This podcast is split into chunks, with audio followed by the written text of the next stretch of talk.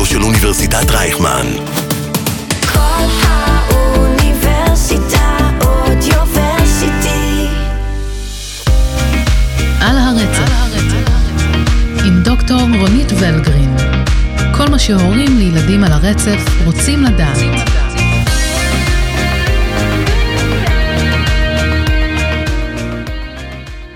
שלום ותודה שהצטרפתם אלינו לעונה השנייה של פודקאסט על הרצף עם דוקטור רונית ולגרין. והפעם, שימו לב לשינוי, בטח שמעתם, כל האוניברסיטה, מרכז האודיו של אוניברסיטת רייכמן. כן, כן, אחרי שהמרכז הבינתחומי קיבל הכרה רשמית והפך לאוניברסיטת רייכמן, הגיע גם תורנו, והרדיו הבינתחומי מעתה כל האוניברסיטה. לפני שנתחיל, אני רוצה להודות לכם על התגובות והשאלות בקהילת הפייסבוק, פודקאסט על הרצף, שיחות על אוטיזם, שדוקטור רונית ולגרין מנהלת. הקהילה ממשיכה לגדול, אנחנו מקבלות עוד ועוד שאלות ופידבקים, אז המשיכו לצרף חברים, משפחה, אנשי חינוך, וכל מי שלדעתכם יכול להסתייע במידע שאנחנו מנגישות בשיחות שלנו. המילים החמות שלכם הן בהחלט המנוע שלנו. אז השם חדש, כל האוניברסיטה, וגם הנושא שלנו חדש. במסגרת הסדרה הזו, אנחנו ממשיכות לעסוק בחינוך, והפעם פרק כנראה ארוך מהרגיל, אבל מאוד מעמיק, מאוד מקיף, על הנושא הענק הזה, שילוב. מה זה אומר?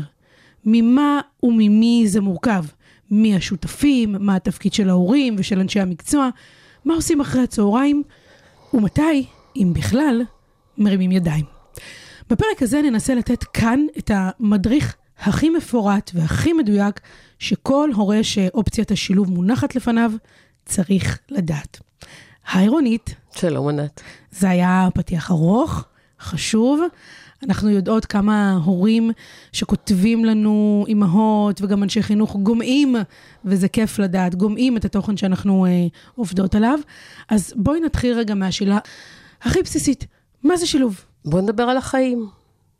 מה, מה זה שילוב? את אומרת החיים כשילוב. החיים כולנו כשילוב. כולנו משתלבים? בדיוק, החיים כשילוב.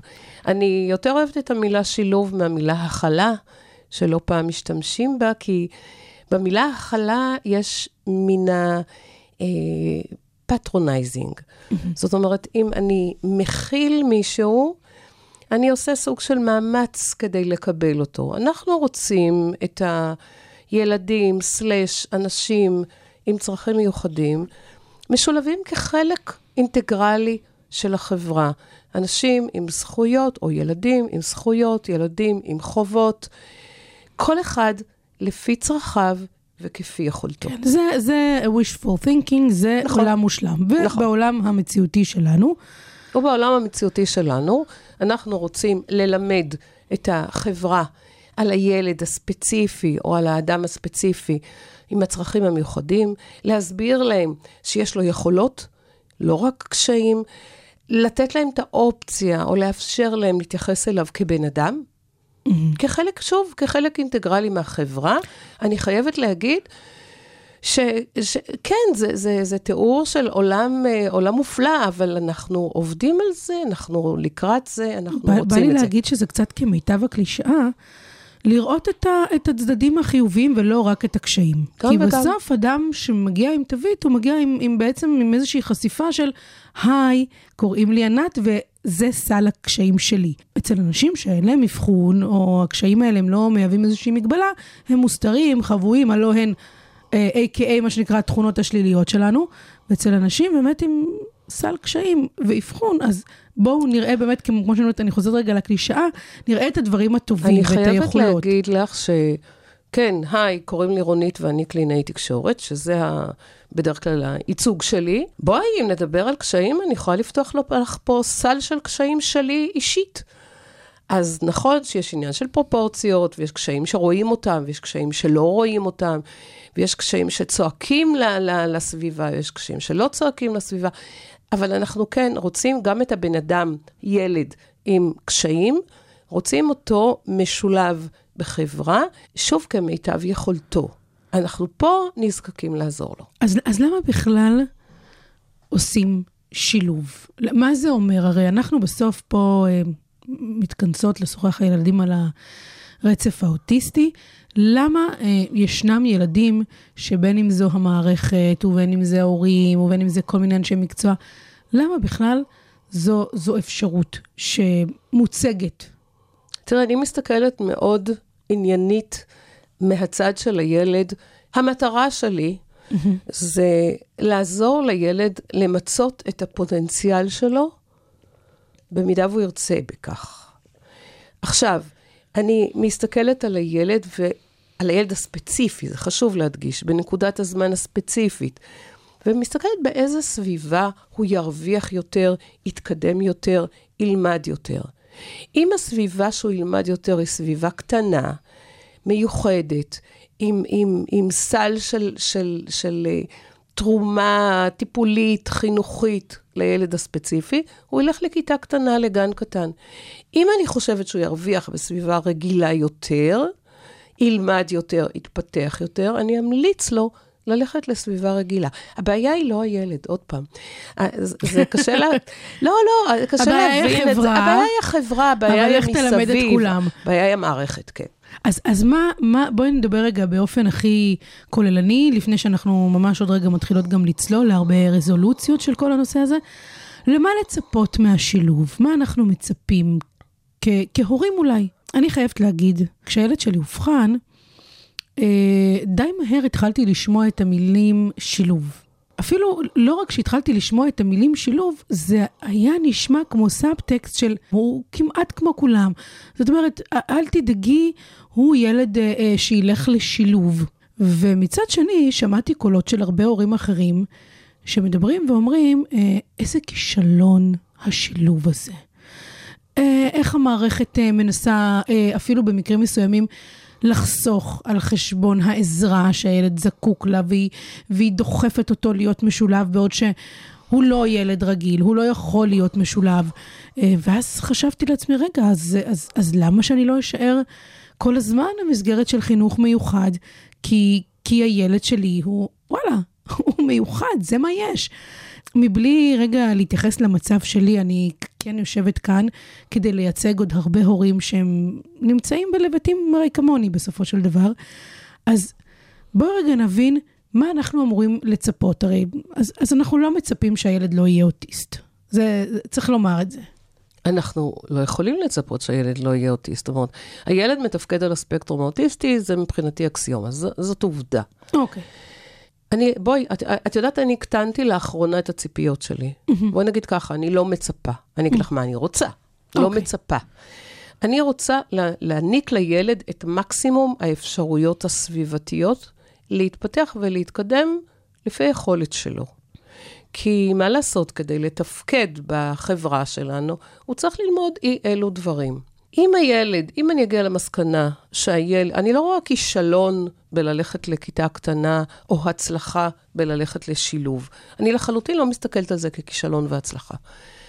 אני כן מסתכלת על איפה הילד יפסיד פחות, או ירוויח יותר. זה, זה היינו הך. האם בחברה הרגילה, בסביבה רגילה, so called רגילה, עכשיו אנחנו יכולים להיכנס למה זה רגילה, אבל כן. האם בכיתה רגילה הילד, אה, תהיה לו יותר הזדמנות ללמוד חברות, משחק, שפה, איך פונים, איך יוזמים, איך נענים וכולי, והוא מסוגל ללמוד את זה? כן, אני אמליץ להם על שילוב. אם אני אחשוב שהילד יקבל הרבה יותר בכיתה קטנה, מקום יותר מוגן, יותר חממה, שם הוא יפרח יותר, יהיה לו ביטחון יותר, הוא ישיג יותר, אני אמליץ על מסגרת קטנה.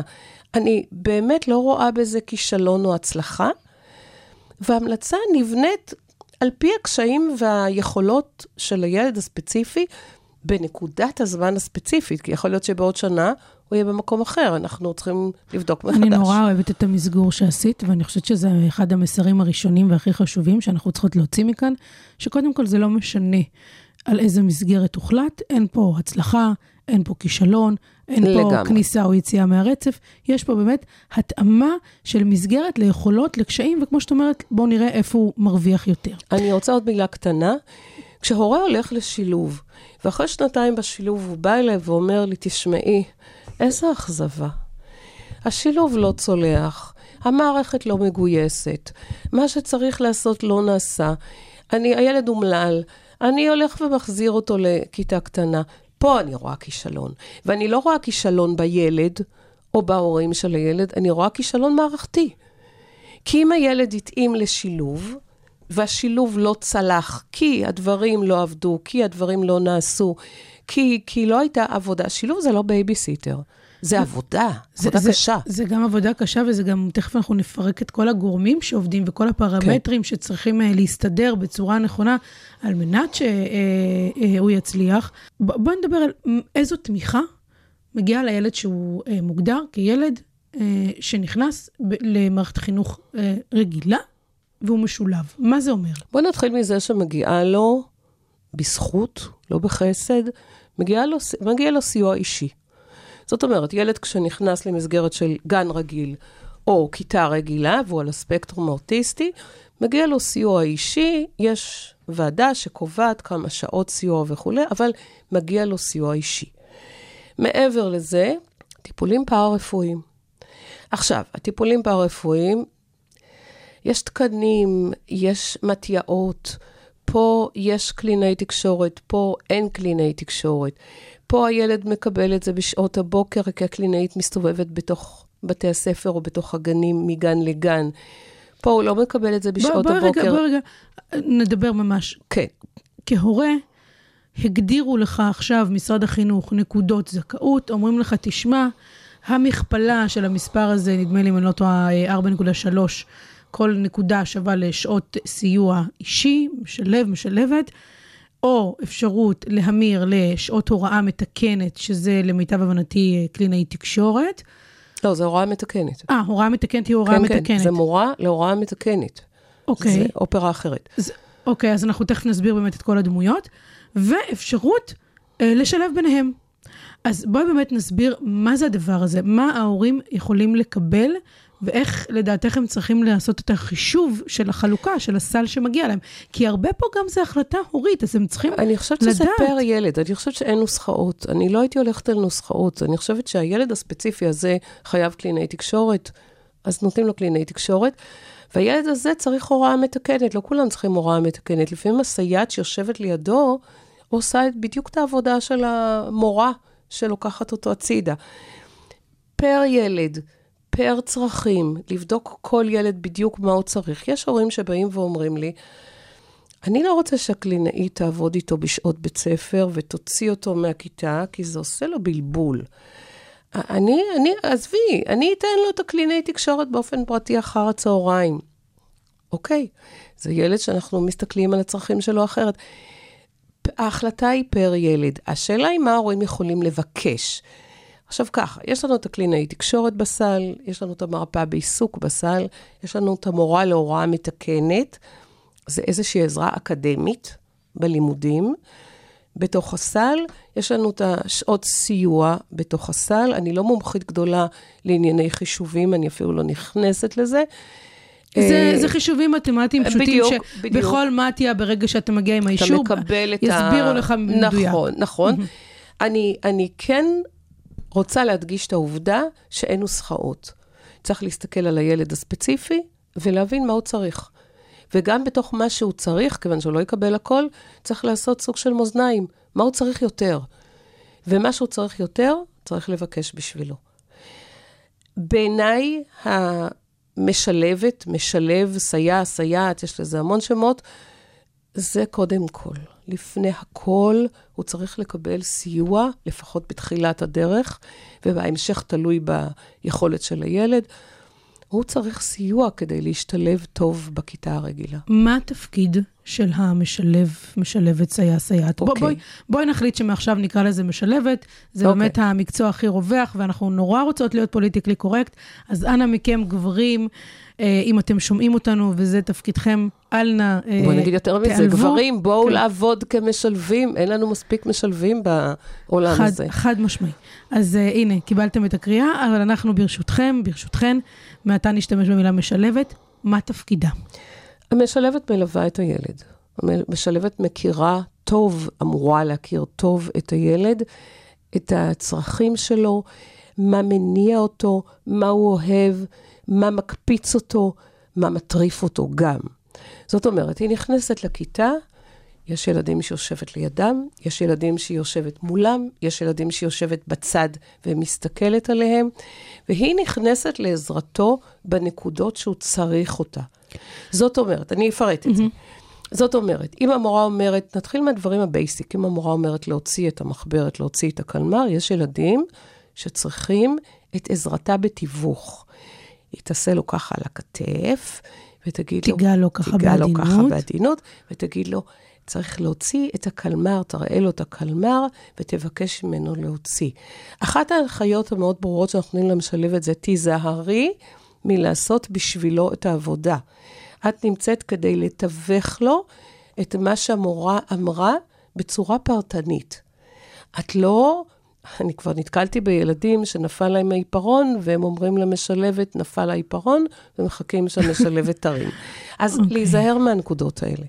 את לא עושה לו את העבודה, איך? מתווכת לו. אני, אני רגע אפילו חוזרת טיפונת לפני, איך היא אמורה לדעת מה הוא אוהב, מה לא אוהב, מה מקפיץ, מה מטריג וכו', אם היא פוגשת אותו, נגיד, יום לפני, כמה ימים לפני הלימודים, לאיזשהו, עם או אנשי בית ספר? המקצוע, היא אמורה לשבת עם אנשי המקצוע שמכירים את הילד. היא אמורה לשבת עם ההורים ולשמוע את על הילד. אין ספק שבתקופה הראשונה היא לומדת להכיר את הילד. כן, כי, כי גם לומדת- הילד לומד את עצמו הרבה פעמים, אם זו פעם ראשונה, למשל. מסגרת חדשה, הילד, יש מצב שהוא מתנהג אחרת מאשר הוא התנהג בגן, בוודאי אחרת ממה שהוא מתנהג בבית. היא לומדת להכיר את הילד ואת התפקוד שלו בתוך, אנחנו נלך על בית הספר, בתוך בית הספר. בימים הראשונים אנחנו גם, מהנחיית שילוב שאנחנו נותנים לה, זה תהיי שם בשבילו ותלמדי, תקלטי, תפתחי עיניים, אוזניים. כמה שיותר תלמדי על הילד, תסתכלי עליו. את רואה שמפריע לו נורא הרעש, קחי את זה לתשומת ליבך. את רואה שמפריע לו כשיש הבזקים של פלורסנט, קחי את זה לתשומת ליבך. את רואה שהוא מקשיב למורה אחת ולא מקשיב למורה אחר, קחי את זה לתשומת ליבך. תלמדי להכיר את הילד. זה לוקח זמן. זה כן, לוקח כי אני, זמן. אני חושבת שגם הילד לומד את המערכת, לומד נכון, את עצמו. את הסיטואציה. גם הוא נחשף נכון. פעמים לדברים חדשים. נכון. אז יש פה באמת איזשהו תהליך למידה. כן. היא שם בשבילו. היא אה, לוקחת את מה שהמורה אומרת ומעבירה לו את זה בצורה פרטנית לאוזן שלו, לידו, מראה לו מה שהמורה ביקשה לעשות בכיתה, במידה והוא צריך את זה, והוא קשה לו לקלוט מהדברים במליאה. היא מעבירה לו את זה בצורה פרטנית. אם ילד ביקש ממנו מחק והוא לא הגיב, היא מסבה את תשומת ליבו ואומרת לו, הוא ביקש מחק, תן לו מחק. היא מתווכת לו את העולם שיש מסביב. זה איזה- בשיעורים. עד איזה גיל אה, משלבת כזו יכולה להיות עם ילד בבית ספר? עד שהוא מסיים את בית ספר, במידה ויש צורך. כן, זה יכול להימשך כן. אפילו עד י"ב. כן. וקורים מקרים שנניח אה, אנחנו יכולים פתאום לראות שבכיתה ג' או ד' אה, הילד למד כל מיני אה, תהליכים של חברות, והוא כבר לא צריך משלב או משלבת? שוב, זה אה, נופל לא רק על שואלת כי, חברות. כי... לא, אני שואלת כי נניח בדוגמאות של תיווך שהוא לא הבין מה רוצים ממנו, כן. בסופו של דבר יש פה ילדים עם תהליכי למידה ויכולות למידה. אז האם הם לא למדו את זה בשלב מסוים? חלקם כן, חלקם לא, חלקם עושים את זה יותר מהר, חלקם עושים את זה יותר לאט. חלקם צריכים את התמיכה הזו לאורך כל הדרך.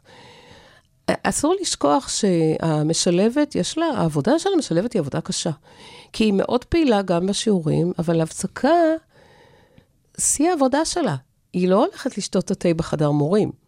כי בהפסקה אנחנו רוצים אותה עוזרת לו להשתלב במשחק של הילדים, או מארגנת קבוצת משחק שהוא שותף לה.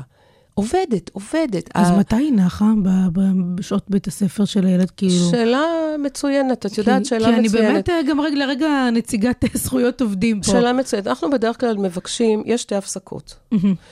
בכיתה, אני מדברת על בית אני, ספר אני פשוט יסודי. באמת חושבת, את יודעת, ברציונל של בואו לא ניתן לה קשה. להישחק. תקשיבי, בואו עבודה בוא קשה. נחשוב עליה רגע. עבודה קשה. יש שתי הפסקות, לרוב, בבית ספר יסודי. אה, כשאני עושה את ההנחיית שילוב, אני כן רוצה לאפשר לילד הפסקה אחת שירפו ממנו. כאילו, אה, אה, אי אפשר, גם על הילד, זה יום עבודה קשה בשבילו. אי אפשר, גם בשבילו יש הפסקה. הנה, הילד הספציפי הזה בהפסקה רוצה להיות לבד. לא רוצה חברים, לא רוצה רעש, זז לו הצידה עם ספר, או משחק בחול, או עושה משהו לבד לגמרי, וזה בסדר. ובהפסקה הזאת אולי את יכולה קצת להרפות ממנו. ההפסקה השנייה, יש לך תפקיד. בשיעור, בשיעור מוזיקה, נהדר לו. אז את יכולה קצת לנשום בשיעור מוזיקה. בשיעור אה, מתמטיקה, שפה, הוא חייב אותך. תשקיעי את המקסימום שאת יכולה. ואף אחד לא אמר שמשלבת זה תפקיד קל.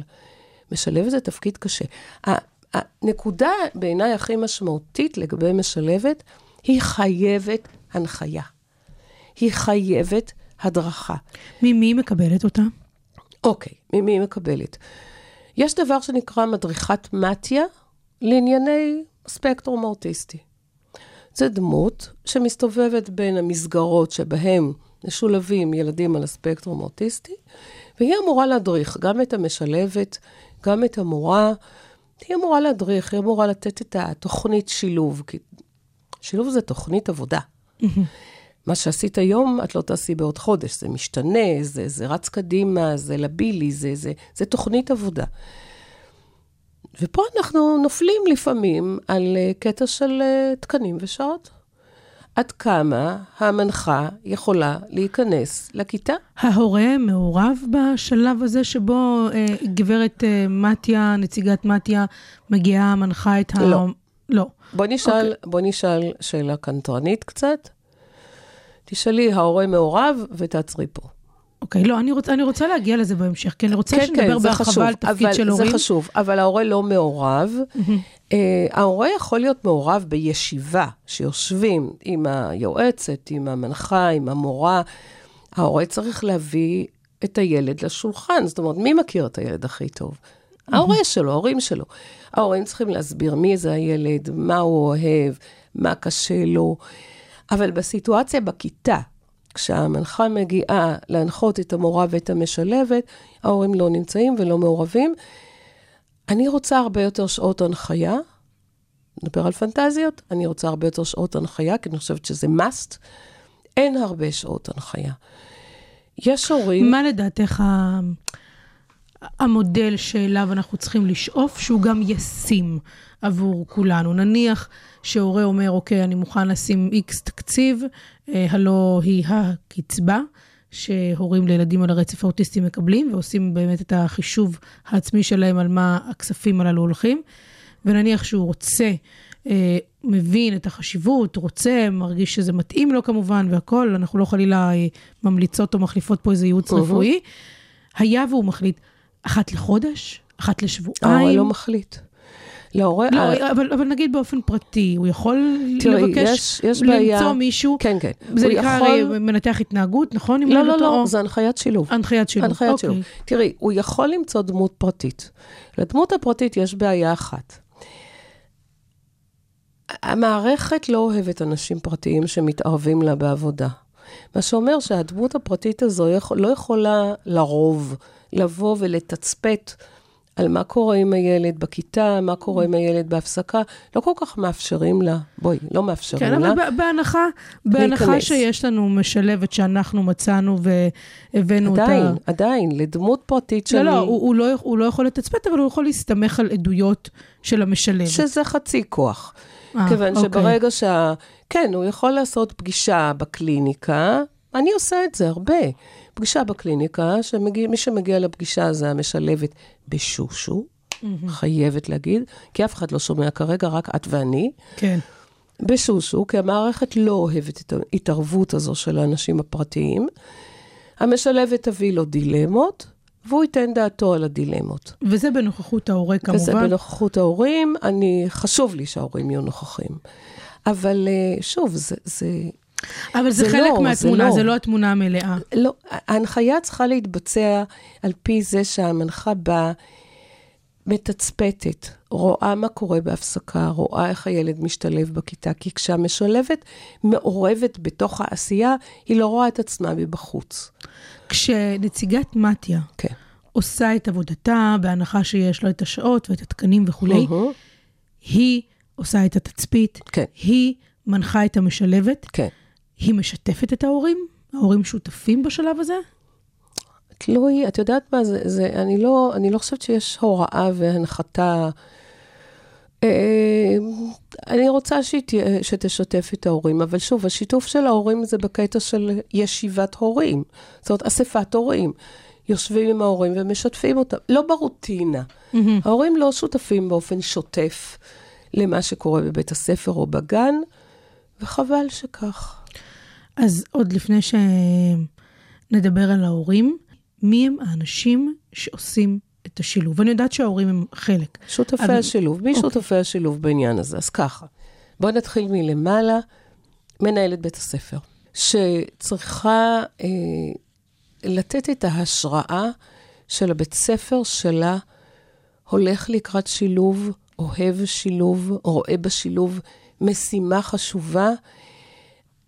הת- התפקיד שלה זה לתת את המילה הטובה למורה המשלבת, למשלבת של בית ספר. אני חושבת שכולנו צריכים חיזוקים. תשקיעו, תשקיעו. מנהלת בית הספר, אוקיי? נרד. יועצת בית הספר, צריכה לדעת מה קורה בבית הספר, צריכה להכיר את הדמויות הפעילות, אבל גם המנהלת וגם היועצת, זה לא ב, בשטח. זאת אומרת, הן צריכות להיות בעד שילוב כמובן, לקחת את השילוב כפרויקט, לקחת את השילוב כמשימה, לשמוח עם כל הצלחת שילוב, להראות את זה בפועל לאנשים שמעורבים בשילוב, אה, לדאוג שיהיה הרצאה על הספקטרום האוטיסטי לצוות המורים בחדר המורים, שיסבירו לצוות המורים בחדר המורים, שיסבירו מי זה הילד המשולב, כי גם נכנסים מורים מקצועיים לכיתה, שאין להם מושג ירוק מה קורה, מי זה הילד, מה לעשות. לדאוג להדרכה, מנהלת בית הספר, יועצת בית הספר. הלאה, מורה, המורה של הכיתה, עליה יקום ויפול דבר. זאת אומרת, מורה שבאמת רואה את זה כמשימת על, תרים את השילוב. מורה שרואה את זה כתיק שהלבישו לה, תשמעי, יש לה כיתה של 35 ילדים, שניים עם לקויות למידה, עוד ארבעה עם לקויות קשב, עוד שלושה עם בעיה רגשית, עוד אחד על הספקטרום האוטיסטי, ועוד ועוד ועוד. היא הולכת לאיבוד לחלוטין. אה, אם היא רואה את, ה, את השילוב של הילד שלנו כ, כמשימה, כפרויקט, כהצלחה שלה גם, השילוב יצלח. זה קם ונופל על המורה, חד משמעית. הלאה, יש לנו את הדמות המשלבת. אנחנו רוצים דמות של בן אדם שעם ראש פתוח, עם רצון ללמוד, אנרגטי, אסרטיבי, כזה שלא יושב על הכיסא ולא מקים את עצמו, אלא כל הזמן עם, עם, עם עבודה, עם ניצוץ קיצור, בעיניים. היא לא בטלפון היא לא ועם בת- הנס קפה היא בחדר לא מורים. בטלפון, היא לא עם הנס קפה בחדר מורים, היא, היא אנרגטית, זה שם המילה. העבודה הזאת היא דורשת לא מעט אנרגיות. המשלבת. ילדי הכיתה. עכשיו אני מחברת את זה עם המורה. המורה צריכה להבין שהיא צריכה לתת פה לילדי הכיתה בצורה גלויה או סמויה איזשהו תפקיד בקטע של השילוב. בשלב מסוים צריך להסביר להם על הקשיים ועל היכולות של הילד הספציפי, אוקיי? איך עושים את זה? יש לא מעט תוכניות. אפשר לדבר על uh, יחיד ומיוחד בכיתה, לא ספציפית על הילד שלנו. כל ילד, איפה קשה לו ואיפה הוא טוב, ולהכניס גם את הילד שלנו בתוך העניין הזה. אפשר לדבר ספציפית על הילד שלנו, ובדרך כלל עושים את זה שלא בנוכחותו. למה הוא מוציא קולות, למה הוא מנפנף בידיים, למה הוא צועק לפעמים, איך אני יכול כחבר שלו לעזור לו, לתמוך בו, לגייס את הילדים בכיתה. קצת מפחיד, כי את יודעת, כי יש ילדים, אולי אפילו רוב הילדים, יש שם משהו נורא אה, טהור ובו זמנית מרושע. אה, שלא, שהוא מצד אחד אה, אה, מלא רוע, מצד שני גם נטול עקבות ולא נותר טינה. תראה, אני כלומר- למדתי, אני באמת למדתי מתוך השטח, שכשעושים את העבודה נכון עם ילדי הכיתה, הם מגויסים ברמ... אני אתן לך דוגמה מהחיים. מהמם. הכי ילד, טוב. כן, ילד עם טורט. אוקיי. מהחיים, אמיתי. ילד עם טורט. שהטורט שלו, דרך אגב, טורט, אם מי שלא יודע, זה בעיה נוירולוגית, שלפעמים מתבטאת בזה שהילד זורק מילים, משפטים. אה, או טיקים. או טיקים, אה, לא רלוונטיים, לא שייכים, ואין לו שליטה על זה. הילד הזה היה משמיע קולות. ילד נבון, אינטליגנטי, חמוד, היה משמיע קולות לא רצוניים, ונכנסה, ונעשתה עבודה יפה עם הכיתה. הסבירו לכיתה מה קורה לו בדיוק. הכיתה מאוד אהבה את הילד, המשולב שלנו. אה, עשו עבודה יפה עם ילדי הכיתה. נכנסה מורה מחליפה, סיפור מהחיים. נכנסה מורה מחליפה. היה קשה עם הכיתה, והוא קולות. היה סטרס, הוא יצא, טורט החוצה, הוא התחיל להשמיע קולות. היא הייתה בטוחה שהוא עושה, הוא ליצן הכיתה, הוא מפריע לה. כעסה עליו. הוא הפסיק, אחרי חמש דקות זה חזר, הקוליות שלו. באמת, לא, לא נשלט, לא רצוני. מאוד התרכזה, אמרה לו לצאת מהכיתה. כל הילדים, זה היה אירוע מרגש, כל הילדים נעמדו על הרגליים ואמרו לה, הוא לא שולט בזה. יש לו בעיה, את לא יכולה להוציא אותו מהכיתה, אנחנו לא מסכימים. הוא ילד טוב, הוא לא מפריע לך. זאת אומרת, הייתה פה מערכת הגנה טוטאלית של וואו. כל ילדי הכיתה. איזה מרגש. מרגש. עכשיו, זה לא כיתה יוצאת דופן, זה לא ילדים יוצאי דופן, זה עבודה שנעשתה כמו שצריך עם הילדים. ואני רואה את זה עם הילדים שלנו על הספקטרום, אני רואה את זה בפועל כל הזמן. אם נעשית עבודה מההתחלה, נכונה, מלמדת את הילדים הרבה אמפתיה אחד לשני, לאו דווקא לילד שלנו, כולם מרוויחים מזה. אמפתיה אחד לשני, תמיכה הדדית, חברות. אם המילים האלה מקודשות בכיתה, המורה נותנת להם הרבה דגש, ונותנת חיזוקים חיוביים כשזה מופיע, הילדים לומדים להיות קבוצת תמיכה מטורפת לילד שלנו. מטורפת. וכל מה שאת אומרת, הרוע הזה, שאנחנו רואים לפעמים ילדים אכזריים, מתגמד, כי אם ילד אחד ייכנס לטאקל עם הילד שלנו, שאר ילדי הכיתה יטפלו בזה.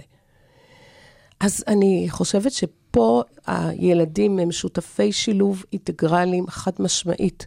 יש להם תפקיד מאוד משמעותי בקטע של השילוב של הילד שלנו, ולמורה יש יכולת, כוחות לעשות את זה. האם יש לה זמן לעשות את זה? סיפור אחר.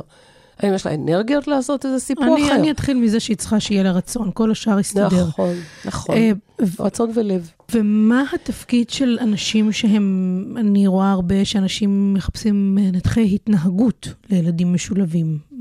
מה זאת הפונקציה הזאת? מנתח התנהגות, כשמו כן הוא. הוא עושה ניתוח יישומי של התנהגות. הוא נכנס, הוא יכול להיכנס לכיתה עם ילד בספקטרום, אבל הוא יכול להיכנס לכיתה גם בלי ילד הוא, בספקטרום. הוא דמות אה, תוך מערכתית של מתיה, או שהוא דמות חיצונית בבתי פרטית? ספר? לא.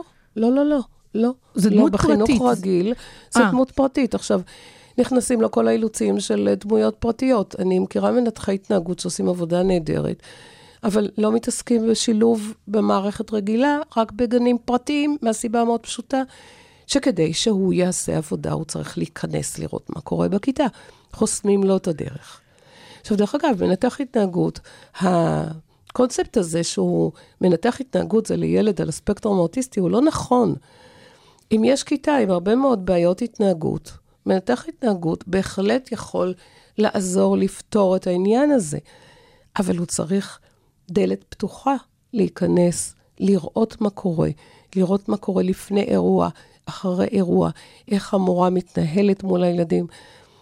קשה לעשות עבודה וירטואלית על בסיס אה, אה, תיאור מקרה. איזה, איזה סוג של מקרים צריכים את הפונקציה הזו בחיים שלהם? של ניתוח התנהגות? כן. בעיות התנהגות. באמת בעיות התנהגות. כלומר, נניח אם אנחנו רואים איזושהי, איזשהו פתרון בעיות באמצעות אלימות, זה כן. משהו שאנחנו רוצים... אה, כן, פה לערב. מנתח התנהגות יכול לתת אה, עבודה משמעותית. כן, בהחלט. על הרצף, כל מה שהורים לילדים על הרצף רוצים לדעת. אנחנו התחלנו ככה מיד לדבר על אה, בית ספר, אבל בואי רגע אה, נחזור גם לגיל הרך, ונדבר על התמיכה שמגיעה למשל לילד אה, בגן, ונדבר מה קורה, מה קורה שם. קודם כל, אה, באיזה גיל בכלל אפשר להתחיל שילוב? אמרנו מגיל גן. שלוש. מגיל שלוש. אוקיי. אז אה, מה ההבדל בין שילוב בגן לבין שילוב בבית הספר? אני חושבת שההבדל פשוט נובע מ- מעצם העובדה שבית הספר זו מערכת אחרת לחלוטין. שילוב בגן, עוד פעם נכנס העניין של משלב-משלבת. שילוב בגן, עוד פעם נכנס הצרכים הפארה-רפואיים של הילד, זאת אומרת, אם יש למטיה אפשרות, ויש, קיימת, קלינאי תקשורת שמסתובבת בגנים, היא תבוא לעבוד עם הילד בתוך מסגרת שעות הגן. אין לנו את הקטע של הוראה מתקנת. מרפאה בעיסוק, אני כמעט ולא ראיתי אותה עובדת בתוך הגן. יש מרכזים, יש עיריות עם מרכזים טיפוליים, אז זה קורה אחר הצהריים, לא לכולם יש. אה, ההבדל הגדול בין גן לבית הספר, הוא שגן יש לנו דמות אחת, גננת הגן, שהיא מנהלת את הגן, היא מנהלת גם את השילוב, וסייעת. זה מה שיש בגן רגיל. בית הספר יש לנו חדר מורים. הבנתי. זאת אומרת, יש המחנכת... הפסקות שהן לגמרי הפסקות משוחררות, זה לא זמן חצר, אלא... בדיוק. המורה, המחנכת יודעת מה לעשות, אבל בית הספר לא השכיל להעביר הדרכה בחדר המורים למורים המקצועיים, ואז מגיעה מורה לספורט, או מורה מחשבים, או מורה לאומנות, או מורה, מורה למוזיקה, ואין להם מושג מי זה הילד ומה לעשות איתו ואיך להגיב לו ומה קורה פה. אה, בית ספר זה מערכת הרבה יותר מורכבת מאשר גן. גן, יש לנו את מנהלת הגן, שהיא גננת, הסייעת, שהיא פחות מעורבת ביום-יום של הילדים, והמשלבת.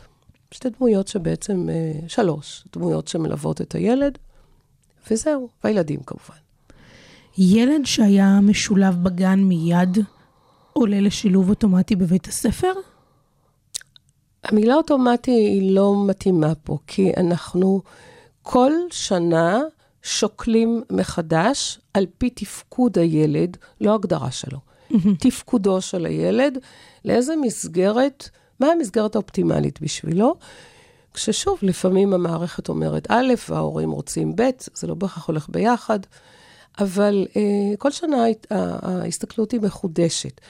ילד שהיה בשילוב מגיל שלוש עד גיל שש, והשילוב צלח, אין סיבה שהוא לא ימשיך את השילוב בכיתה א'.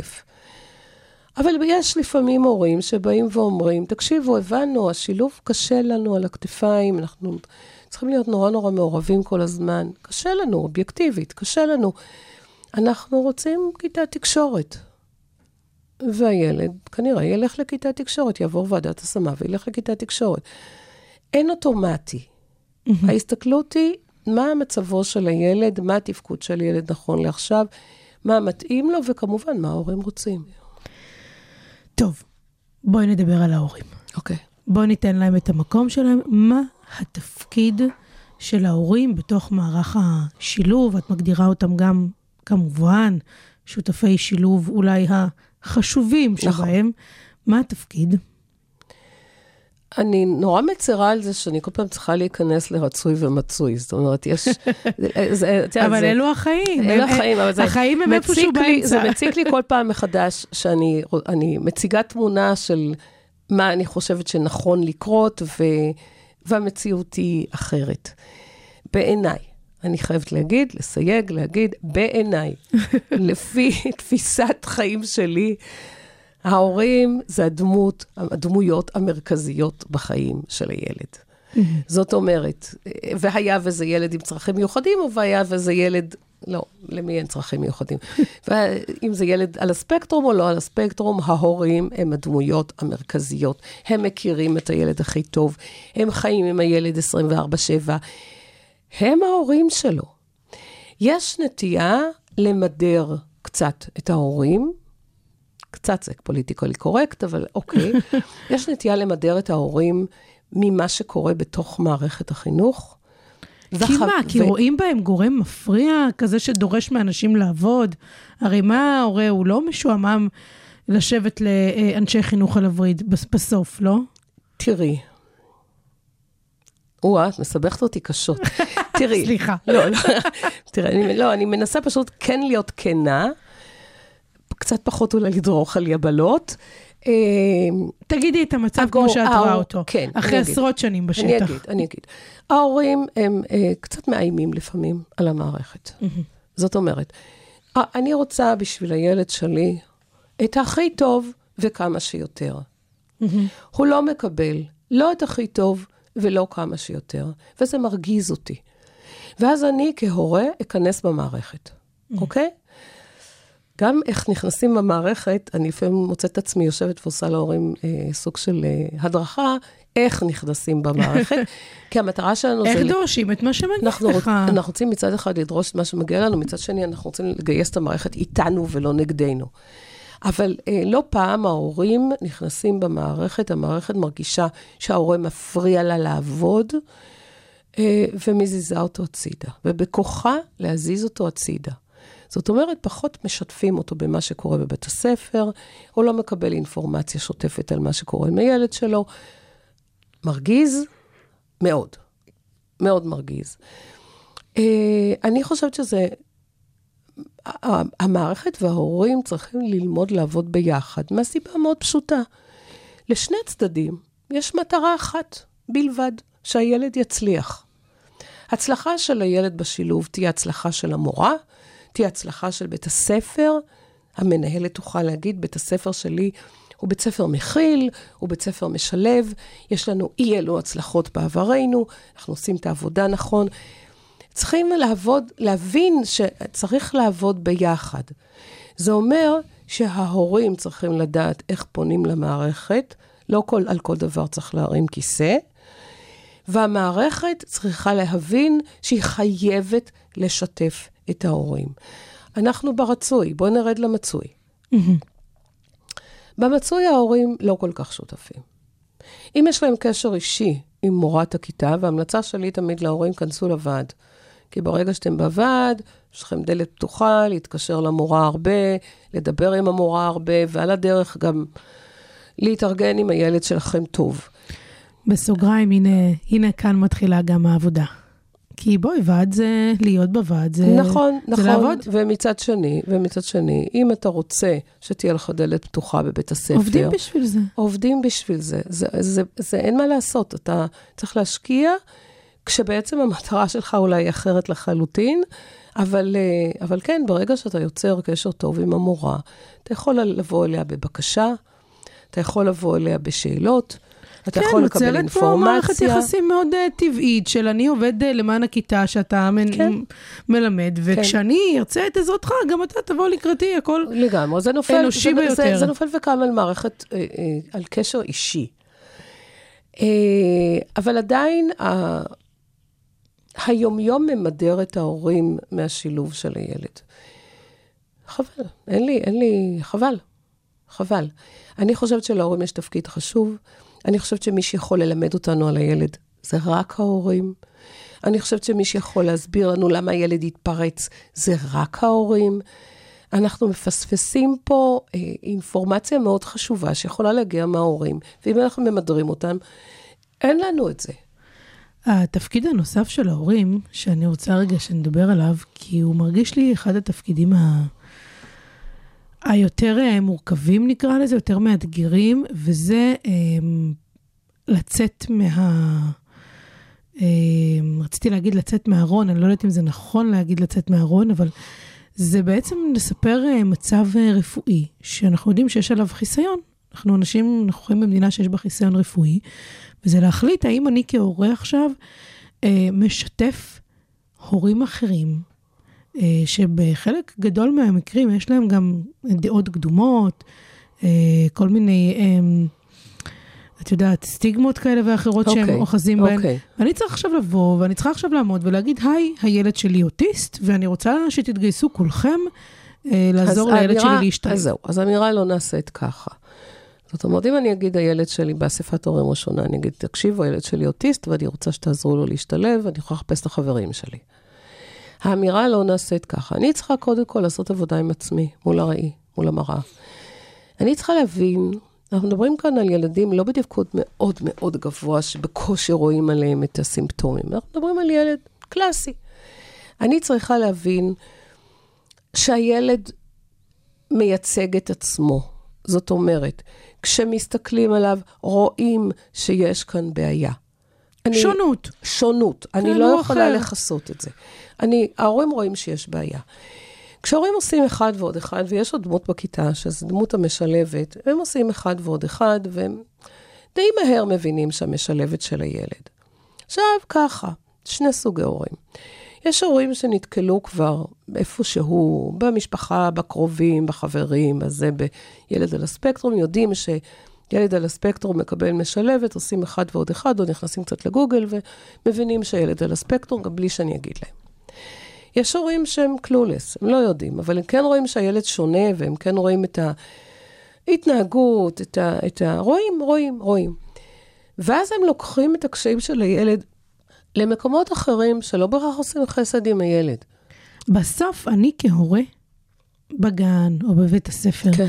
אני לא יכולה לדעת מה שאר האנשים יודעים, חושבים, חוו. נכון. ואני צריכה לקבל פה איזושהי החלטה שהיא גם נכון. הימור. ואני באמת חושבת, ואני, זה לא רק חושבת, אני יודעת, למיטב ניסיוני, שהורים שפתחו ואמרו, לילד שלי יש קשיים חברתיים. מתי הם אמרו את זה? שזה אומר... לא באספת הורים, מתי? באספת ההורים, מול ההורים האחרים. הוא, קשה לו קצת לדבר, קשה לו קצת לשחק, הוא נורא רוצה לשחק עם הילדים, אבל הוא לא יודע איך. הוא קשה לו קצת ליזום משחק, גם אם הוא נורא רוצה להזמין את הילדים למשחק. כשמזמינים אותו לשחק, הוא לא יודע כל כך, הוא צריך את העזרה, בגלל זה יש לו את המשלב, הוא צריך את העזרה של איך נכנסים למשחק. הילדים שלכם יכולים ללמד אותו המון דברים שהוא יכול ללמוד.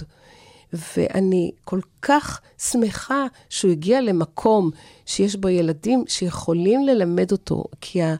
אנחנו יכולים ללמד אותו עד גבול מסוים, אבל דווקא הילדים בכיתה יכולים ללמד אותו איך משחקים, איך מצטרפים, איך מדברים, איך...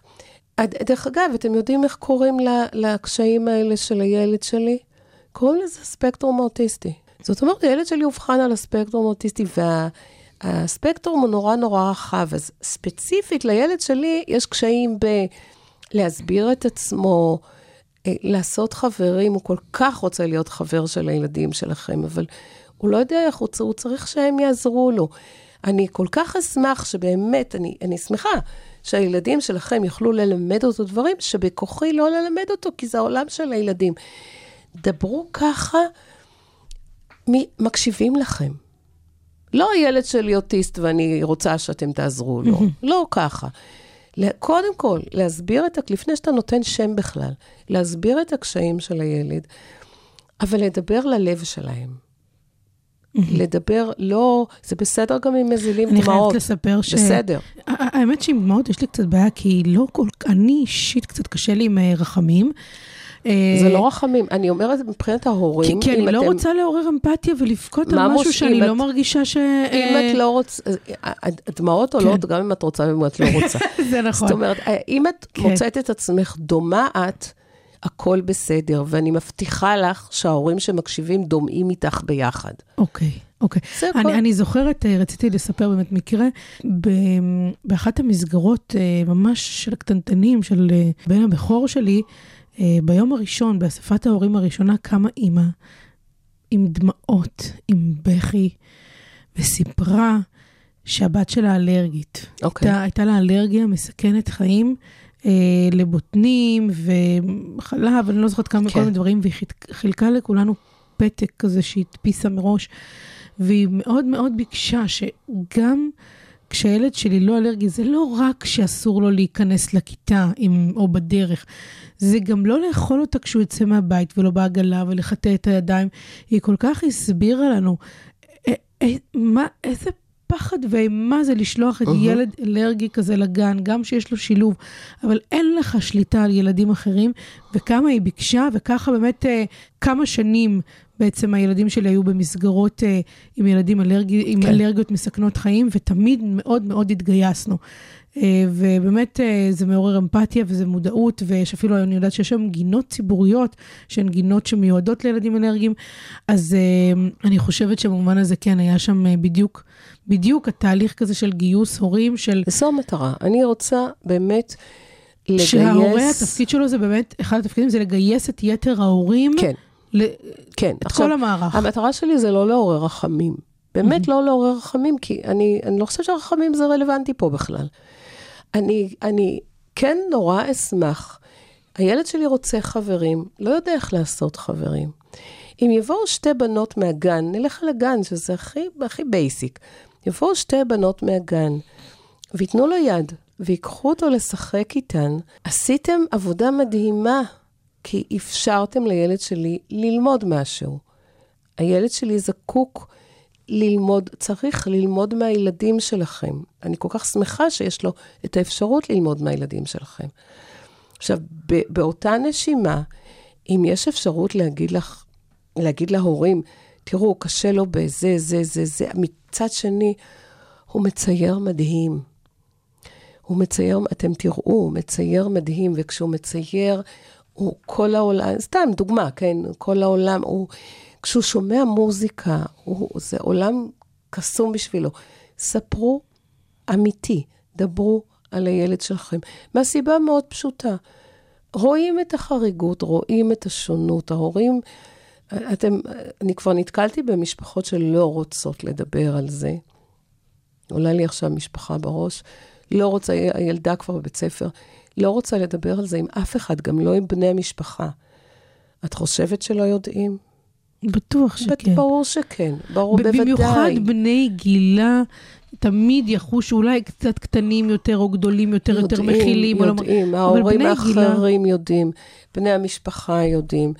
יודעים גם מה שלא... שקראנו לו פעם מוזר, שונה כזה, יותר חושבת, מבודד. אני חושבת שהמילה מוזר היא יותר קשה מ...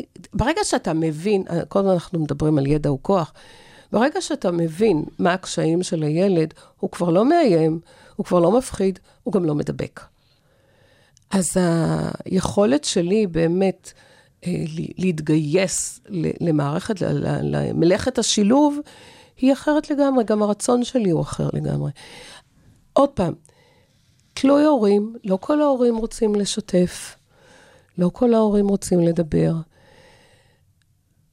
אם אני מסתכלת ככה אחורה על הטווח של ההורים, הורים שכן עשו את זה, לא הצטערו.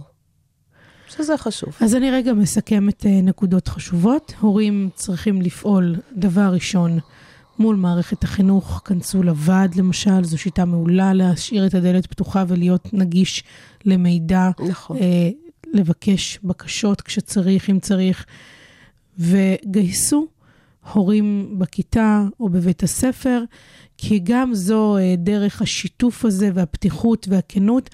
אה, כן, שוב, אה, בסוף בני אדם הם בני אדם, והיא פותחת שם איזשהו ערוץ פתוח, ומישהו, ומי שיש לו סטיגמות או דעות קדומות, אז וואלה, או שיקבל פה איזה שיעור לחיים, או שיישאר במיעוט במקרה, במקרה הפחות טוב, ואין מה לעשות, אנחנו לא באנו לרצות את העולם, או לחנך לא. את העולם כולו, זה מה יש.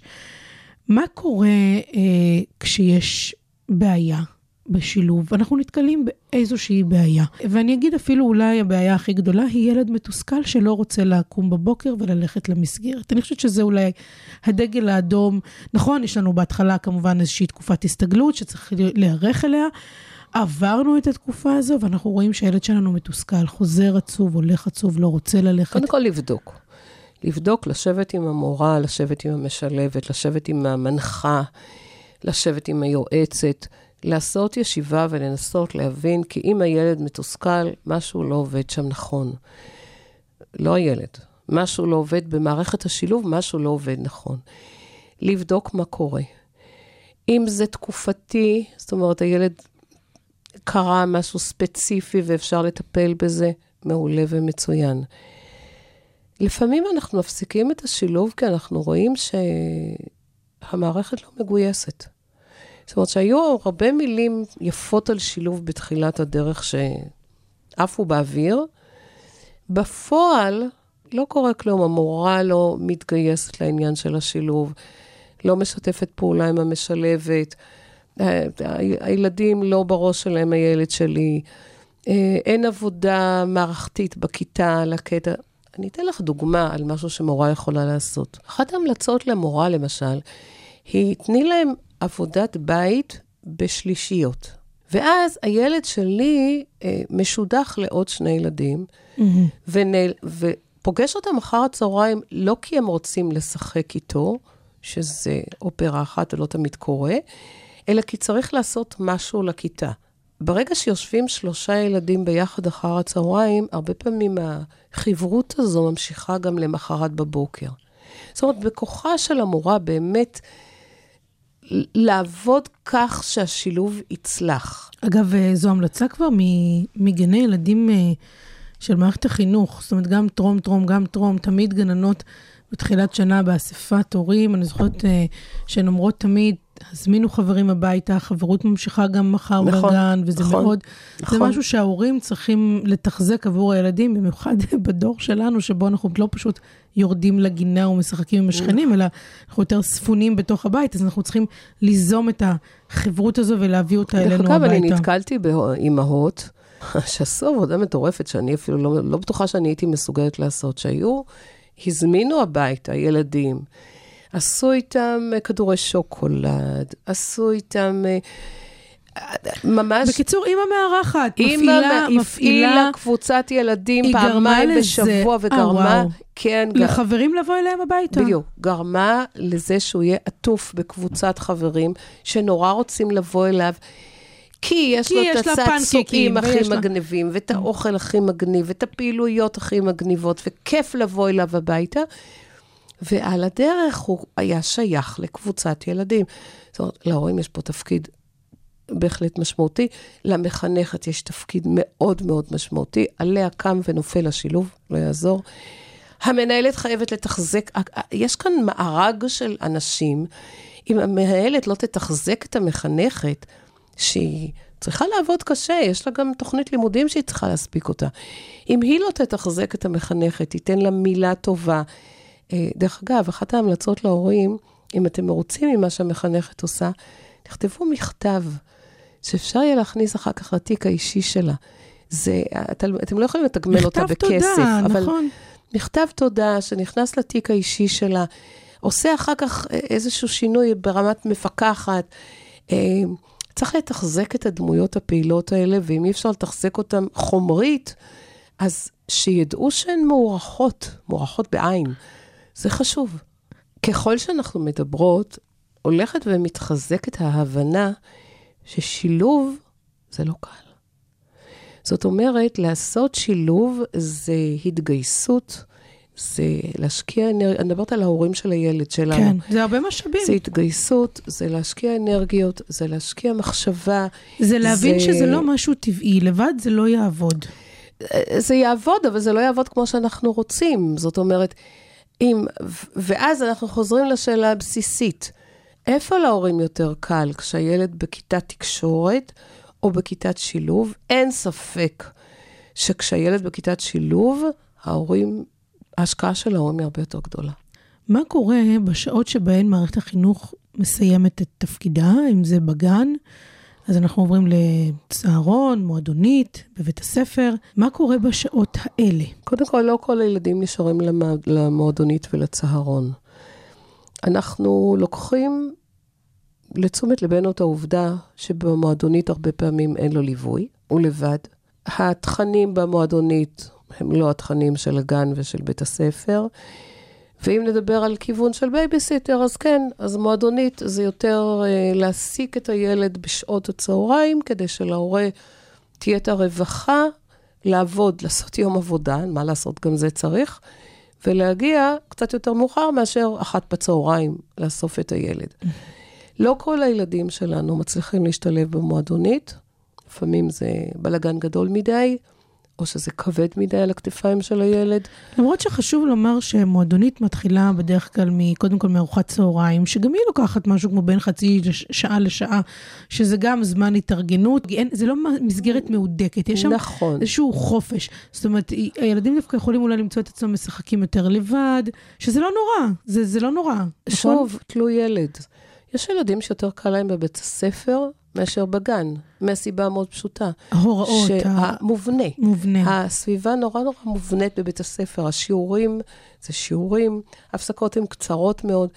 בגן, המשחק החופשי בחצר, פינות של משחק חופשי, הילד שלנו הלך לאיבוד לגמרי, לא ידע מה לעשות עם זה.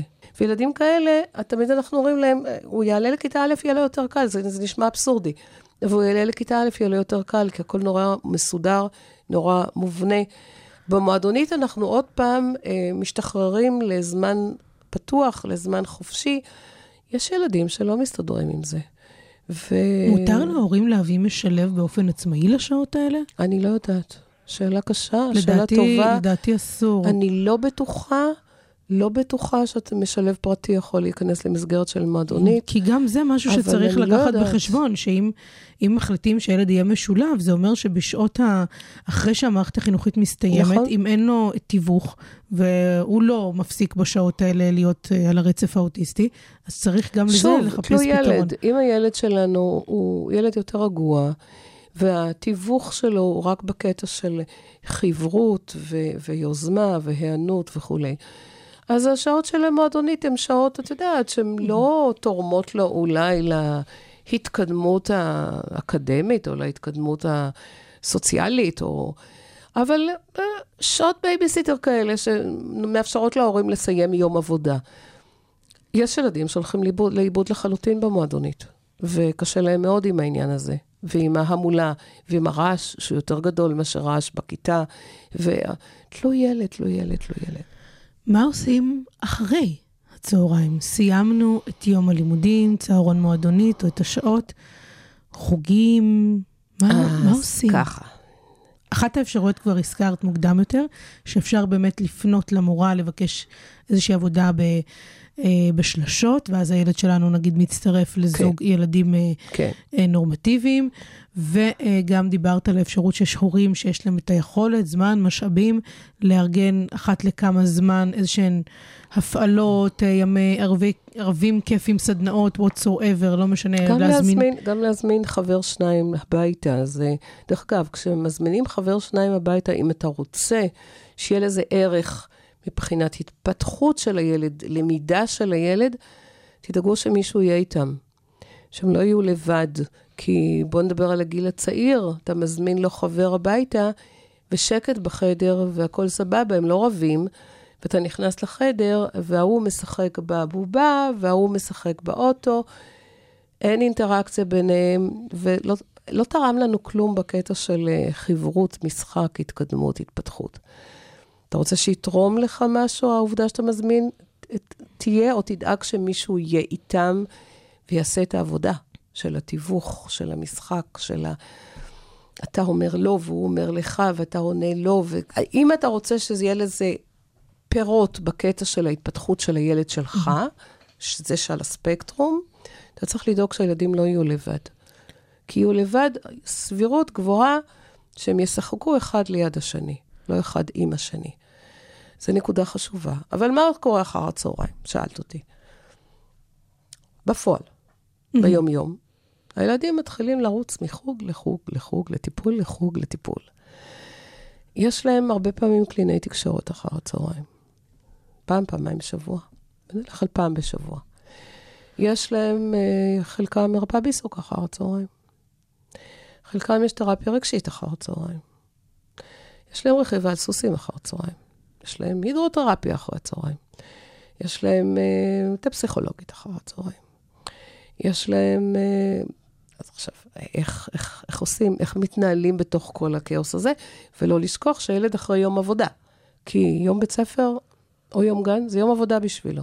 עושים מינון מושכל של מה הכי חשוב, מה הכי צריך, רשימה של דברים שהוא צריך, ומתוכם אנחנו בוררים את מה הכי צריך, ונותנים לו חוג שניים בשבוע, שלושה, זה כבר לא מעט. שבתוך החוגים את כוללת גם את הטיפולים, כמו כן, חוג כן, כן, קלינאית? כן, אוקיי. לגמרי. אוקיי. אי אפשר לרוץ עם ילד כל יום לטיפול אחר או למשהו אחר. זה, זה, זה, זה קשה.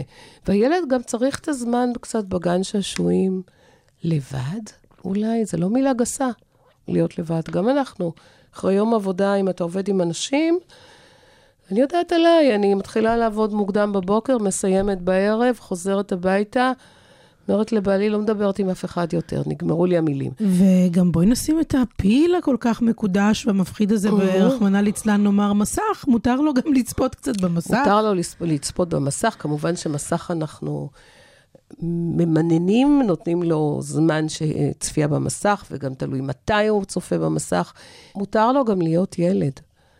זאת אומרת, אנחנו כל כך רוצים שהוא יתקדם, והוא ישיג, והוא יהיה מטופל, והוא. אה, מתי הוא, הוא צריך להיות גם ילד, וילד זה ללכת לגן שעשועים, שלא ישבו לו על העורק ויגידו לו, תדבר עם הילדה שנמצאת לידך, אלא הוא יעשה איך שהוא מבין ומה שהוא רוצה.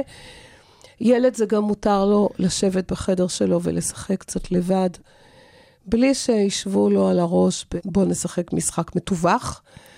מותר לו גם להיות ילד. איך מכניסים את כל זה? סוגר לנו את האחר הצהריים.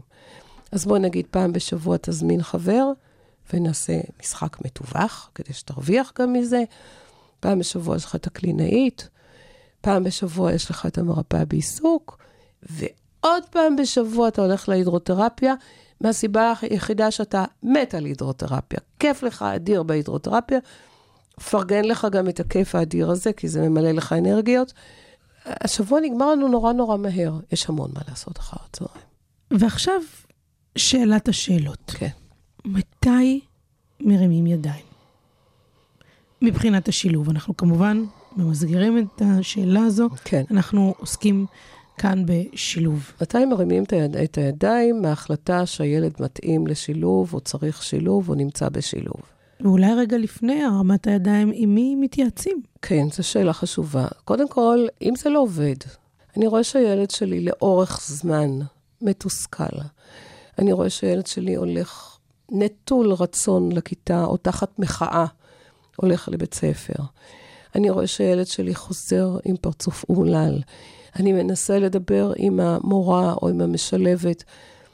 אני מבין שאין עם מי לדבר, וזה קורה לא מעט. אני מתחיל לחשוב עם הילד, את יודעת מה זה, זה קשה להגיד, אבל לפעמים הילד שלי, כן, הילד שלי מתאים לשילוב, אבל אני מתחיל לחשוב אם זה עושה לו טוב או לא עושה לו טוב. ואז יש לי האופציה או להעביר אותו מסגרת, ועדיין לנסות את השילוב, או להעביר אותו למסגרת קטנה, ששם תהיה יותר חממה, הוא יהיה יותר מוגן. אני לפעמים מבין שזה לא מתאים לו, אבל, אבל השילוב לא צלח, לא עבד. אני חושבת שצריך, אה, כן, ואני הולך להתייעץ, אני הולך להתייעץ עם איש מקצוע שהוא או, או קלינאי תקשורת, או מנחה שילוב בהגדרתו, שעושה גם קצת הדרכה להורים, יכול לראות את הילד, לנסות לתת לי קצת אה, הסתכלות מבחוץ. אבל יש לפעמים דברים שהם לא קשורים לזה בכלל. הילד שלי סיים בית ספר יסודי, לאחרונה נתקלתי. היה בשילוב. הוא בסדר עם השילוב. שילוב לא צלח כל כך, כי אני אה, לא אהבתי את מה שקרה בתוך בית הספר, אבל הוא היה בסדר. כאילו גם היו לו חברים. כאילו, זאת אומרת, הוא מרגיש שיש לו חברים. אני יודע שזה לא ממש חברים, הם עשו לו קצת טובה בזה שהם שיחקו איתו. הוא סיים ו' כיתות, ופניו לחטיבה. חטיבה זה אופרה אחרת לגמרי מבית ספר יסודי. המורים יוצאים ונכנסים. אין כל כך הרבה שעות מחנכת כמו בית ספר יסודי. המחנכת בחטיבה היא כמו עוד מורה מקצועי. הרבה מאוד ילדים בדרך כלל חטיבות הן גדולות, הרבה מאוד כיתות, הרבה המולה. לצערי, אני רואה הרבה מאוד ילדים שהיו בשילוב ביסודי, וצלחו את השילוב עד כיתה ו', כולל ו', נכנסים לחטיבה והולכים לאיבוד. אז נכון שיש לו עדיין את המשלב, שנמצא איתו, והוא קיבל את מקסימום שעות שילוב שהוא יכול לקבל. אבל חטיבה, יש המון דגש על, על חברות, על, על, על הכל עובד מהר, אוי, זה על כניסה לגיל הצלחות, הטיפש עשרה, זה נעורים. על, זה... על תחרותיות, על, אה, על ציונים, בית חרושת לציונים, על אה, מורים יוצאים ונכנסים. זה גיל של הורמונים, זה גיל של טיפש עשרה, לא התבגרות. מעט ילדים, אני רואה, שעברו את השילוב בבית ספר יסודי, מגיעים לחטיבה, שהולכים לכיתת תקשורת. אצלנו, למשל, אגב, ברמת גן, אין חטיבת ביניים. כלומר, הלימודים הם מא' עד כיתה ח', כמו שהיה אצלי כשאני הייתי ילדה. ואז ממשיכים מט' ועד י"ב. כלומר, יש אה, התחלה, זאת אומרת, זה מחולק לשניים ולא לשלושה. אוקיי. אה, אז באמת מעניין. ויכול להיות שפשוט אם אנחנו גרים באזור שמאפשר לנו כיתות יותר קטנות, זאת אומרת בית ספר יותר קטן, ריכוז קטן יותר, אם יש לנו אה, כהורים שהילדים שלהם על הרצף האוטיסטי ועולים עכשיו למסגרת חינוכית אה, מתקדמת, כמו חטיבת ביניים או תיכון, אז אולי עצה חשובה היא לחפש אה, חטיבה שהיא יותר קטנה, נכון. כדי, אם, אם רוצים להמשיך את השילוב. חד משמעית, כן. כלומר, יותר פחות- קטן, יותר אינטימי, יותר התייחסות לילד ולצרכים שלו. כן, כן, בטח. תגידי, אנחנו נתייחס חיה. פה ל, אה, לבית ספר, אה, למשל, אה, דמוקרטי. בואי ניתן מילה אחת על מסגרות אחרות. אה, פחות דמוקרטי, כי דמוקרטי הוא די מקביל לבית ספר רגיל, אבל כן התייחס לאנתרופוסופי ולמונטסורי. מה שאני ראיתי בפועל, ושוב, אני לא מביעה דעתי על הרציונל לא של המונטסורי ולא של האנתרופוסופי, כבודם במקומם מונח. מה שראיתי בפועל, בחיים האמיתיים, זה שלא מעט הורים שמאוד פוחדים מהמסגרת הרגילה, החינוכית, הקונבנציונלית, מנסים להכניס את הילדים שלהם למסגרות כמו הבית ספר המונטסורי. בית ספר המונטסורי, הכיתות הן מאוד קטנות יחסית לחינוך רגיל. בדרך כלל זה כיתות שהן דו או תלת גילאיות. והתחושה של ההורים של הילד יהיה הרבה יותר טוב, ימצא את עצמו ביתר קלות במסגרת המיוחדת הזו, מיוחדת לא מיוחדת חינוך מיוחד, אלא מיוחדת בקטע של החינוך, רציונל אחר, מאשר במסגרת הרגילה. לפעמים זה מצליח, לפעמים זה כישלון נחרץ. ולמה? כי בדרך כלל במסגרות הקטנות המיוחדות האלה, אה, נותנים הרבה קרדיט לילד,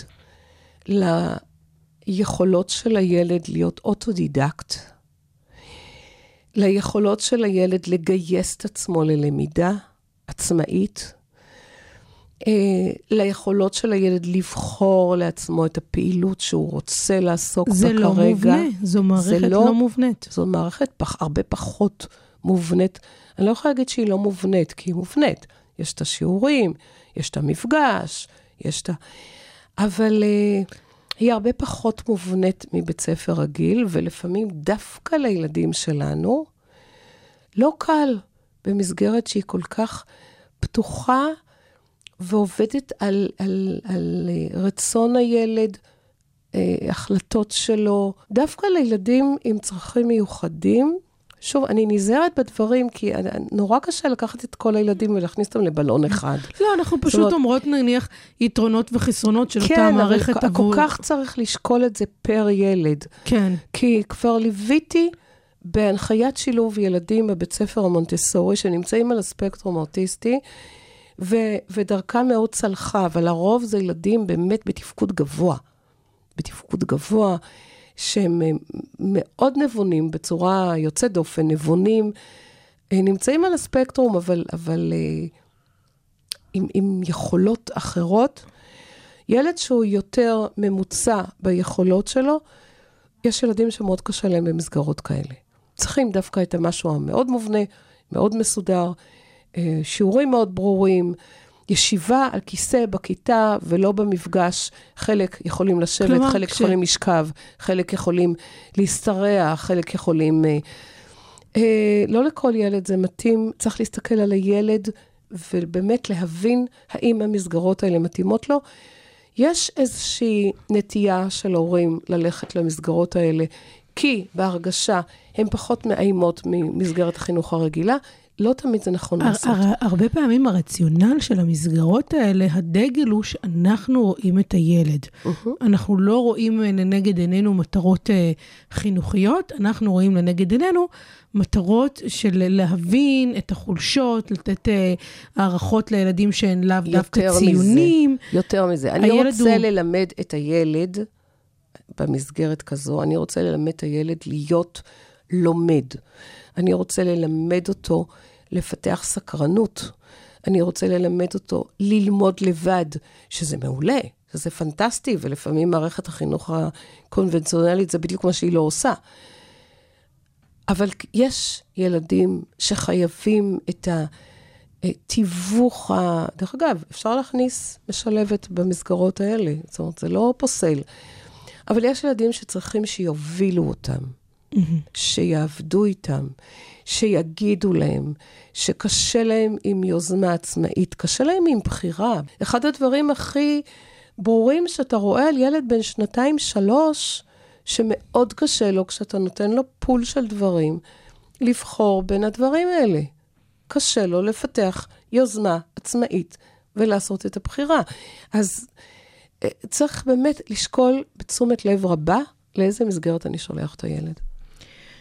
כשאני באמת עושה את השיקולים האלה כהורה, אז אני רוצה רגע לשאול אה, שאלה שאולי היא חצופה, אולי אוקיי. גסה, את אוקיי. תעצרי אותי אם צריך, אה, אבל הורה שלוקח בחשבון שהוא נושא לא רק במשאב הזמן וההתגייסות וכולי, גם נושא פה בעלויות כשהוא בוחר אה, בשילוב, והוא צריך גם לדעת שהוא שוכר אנשים שהם ינחו את השילוב הזה. רוב האנשים לא שכרו עם אנש- אנשים שינחו את השילוב הזה. לא מעט מנחים שאני מכירה יגידו לך, אה, אם הילד במסגרת חינוך רגיל, אני לא נכנס להנחיה מהסיבה הפשוטה שאני לא מאמין בהנחיה וירטואלית. אם לא נותנים לי להיכנס לראות את הילד בפעילות, בתוך הכיתה, מול החברים, מול המורה, אני, אני לא יכולה לעשות הנחיה, אני לא יכולה שתביאו לי סיפורים, ועל על בסיס הסיפורים אני... כי מה שהמשלבת מספרת זה מהזווית הסובייקטיבית שלה. כשאני רואה את המשלבת בעבודה, אני רואה דברים שהיא לא תופסת עצמה. עזבי, כשאני רואה את עצמי בטיפול בילד, אני קלינאי תקשורת, כשאני רואה סרט, כשהסרטתי את עצמי בטיפול בילד, אני רואה דברים שאני לא הרגשתי אותם תוך כדי טיפול, כשאני רואה את זה מהצד. לא מעט מנחים יגידו, אני לא נכנס לזה. אה, רוב הילדים המשולבים, משולבים בהנחיה של המנחה של המתיה. הבנתי. ונניח שמצאתי בכל זאת אה, מישהו שמוס... שעושה את העבודה. כן, אוקיי. להיענות, גם אם זה אה, תמונה חלקית, ואנחנו נעזרים במשלבת. אני כהורה גם נושא בעלויות של, ה... נכון. אה, של זמן המשלבת. כלומר, אני מבקשת ממנה להיות זמינה לפגישה, לא משנה בזום או פרונטלי, אני גם משלמת לה על הזמן שלה. אז איזה עלויות אה, הורה צריך לקחת אה, בחשבון? ההורה צריך לקחת בחשבון את העובדה שאם הילד זקוק לפארה-רפואי, והוא לא מקבל את מה שהוא זקוק לו במטריה של בית הספר ושל המתיה, הוא יצטרך לתגבר אותו בטיפולים פרטיים. מעבר לזה, אם את רוצה להוסיף לו, אה, איזה, או להוסיף איזושהי הנחיית שילוב פרטית, כמובן, יש לזה עלות. על הרצף, עם דוקטור רונית ולגרין. כל מה שהורים לילדים על הרצף רוצים לדעת.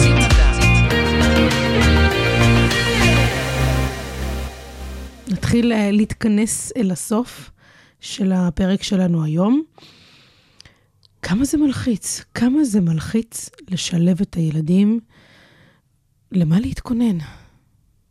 כמה זה מלחיץ לגדל ילד עם צרכים מיוחדים? בואי נשאל אותך. אה, למה להתכונן? כל יום הוא יום חדש. יפה, בדיוק. כל יום הוא יום חדש. הנה את עונה לעצמך. כל יום הוא יום חדש. יש ימים שאת uh, תרגישי נפלא ונהדר ברומא אולימפוס, ויש ימים שאת תרגישי על, על הקנטים, שהדברים לא עובדים, ואין לך כבר כוח, ואין לך כבר אנרגיות, ודי, ומספיק, ו... וכל יום הוא יום חדש, בדיוק. את לא שאלת אותי את השאלה, מה? את אוהבת שילוב? את, מה את אומרת על שילוב, רונית? אני מאוד אוהבת שילוב, אני חייבת להגיד, אני מאוד אוהבת שילוב. אני חושבת ששילוב צריך, מטרות השילוב צריכות להתבסס על הילד הספציפי, היכולות והצרכים שלו. לא הייתי- בכל מחיר או בכל מחיר? לא בכל מחיר. לא בכל מחיר, כשה... הלא בכל מחיר יושב על ה...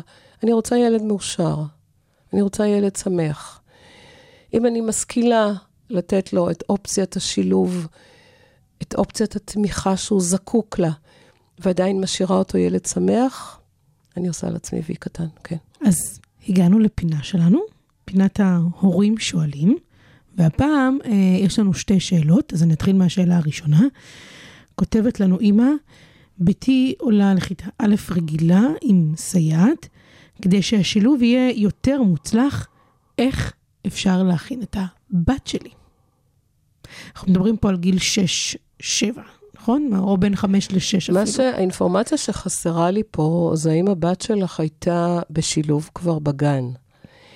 כי אם הבת שלך הייתה כבר בשילוב בגן, בגן חובה, או אפילו לפני, אבל בואי ניקח שנה אחרונה לפני כיתה א', דרך אגב, אמרתי לדעתי בפרקים הקודמים, אבל מומלץ, חשוב שהילד יהיה לפחות שנה בשילוב לפני שהוא עולה לכיתה א' בשילוב.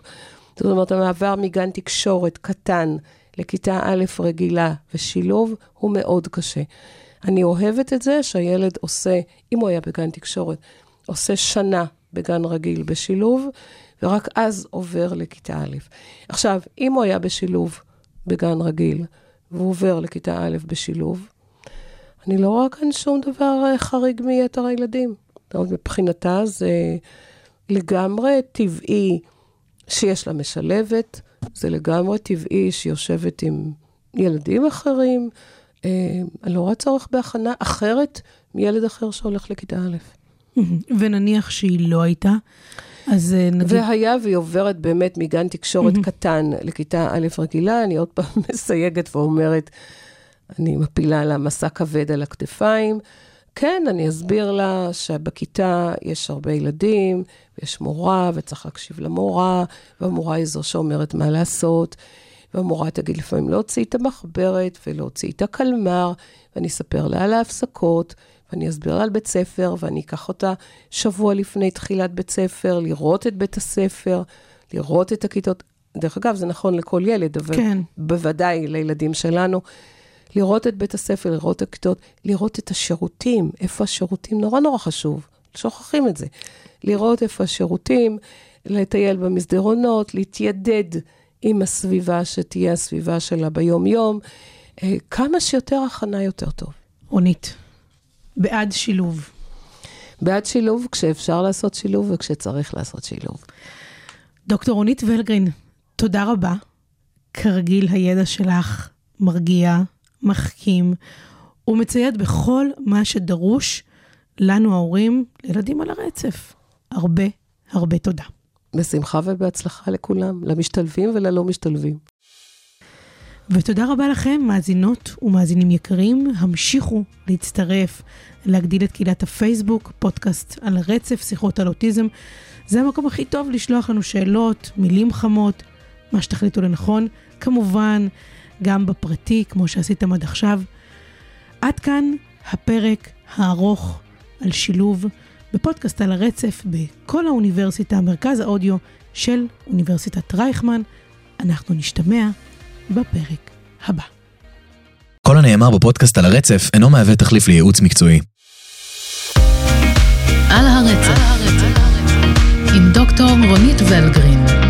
כל מה שהורים לילדים על הרצף רוצים לדעת.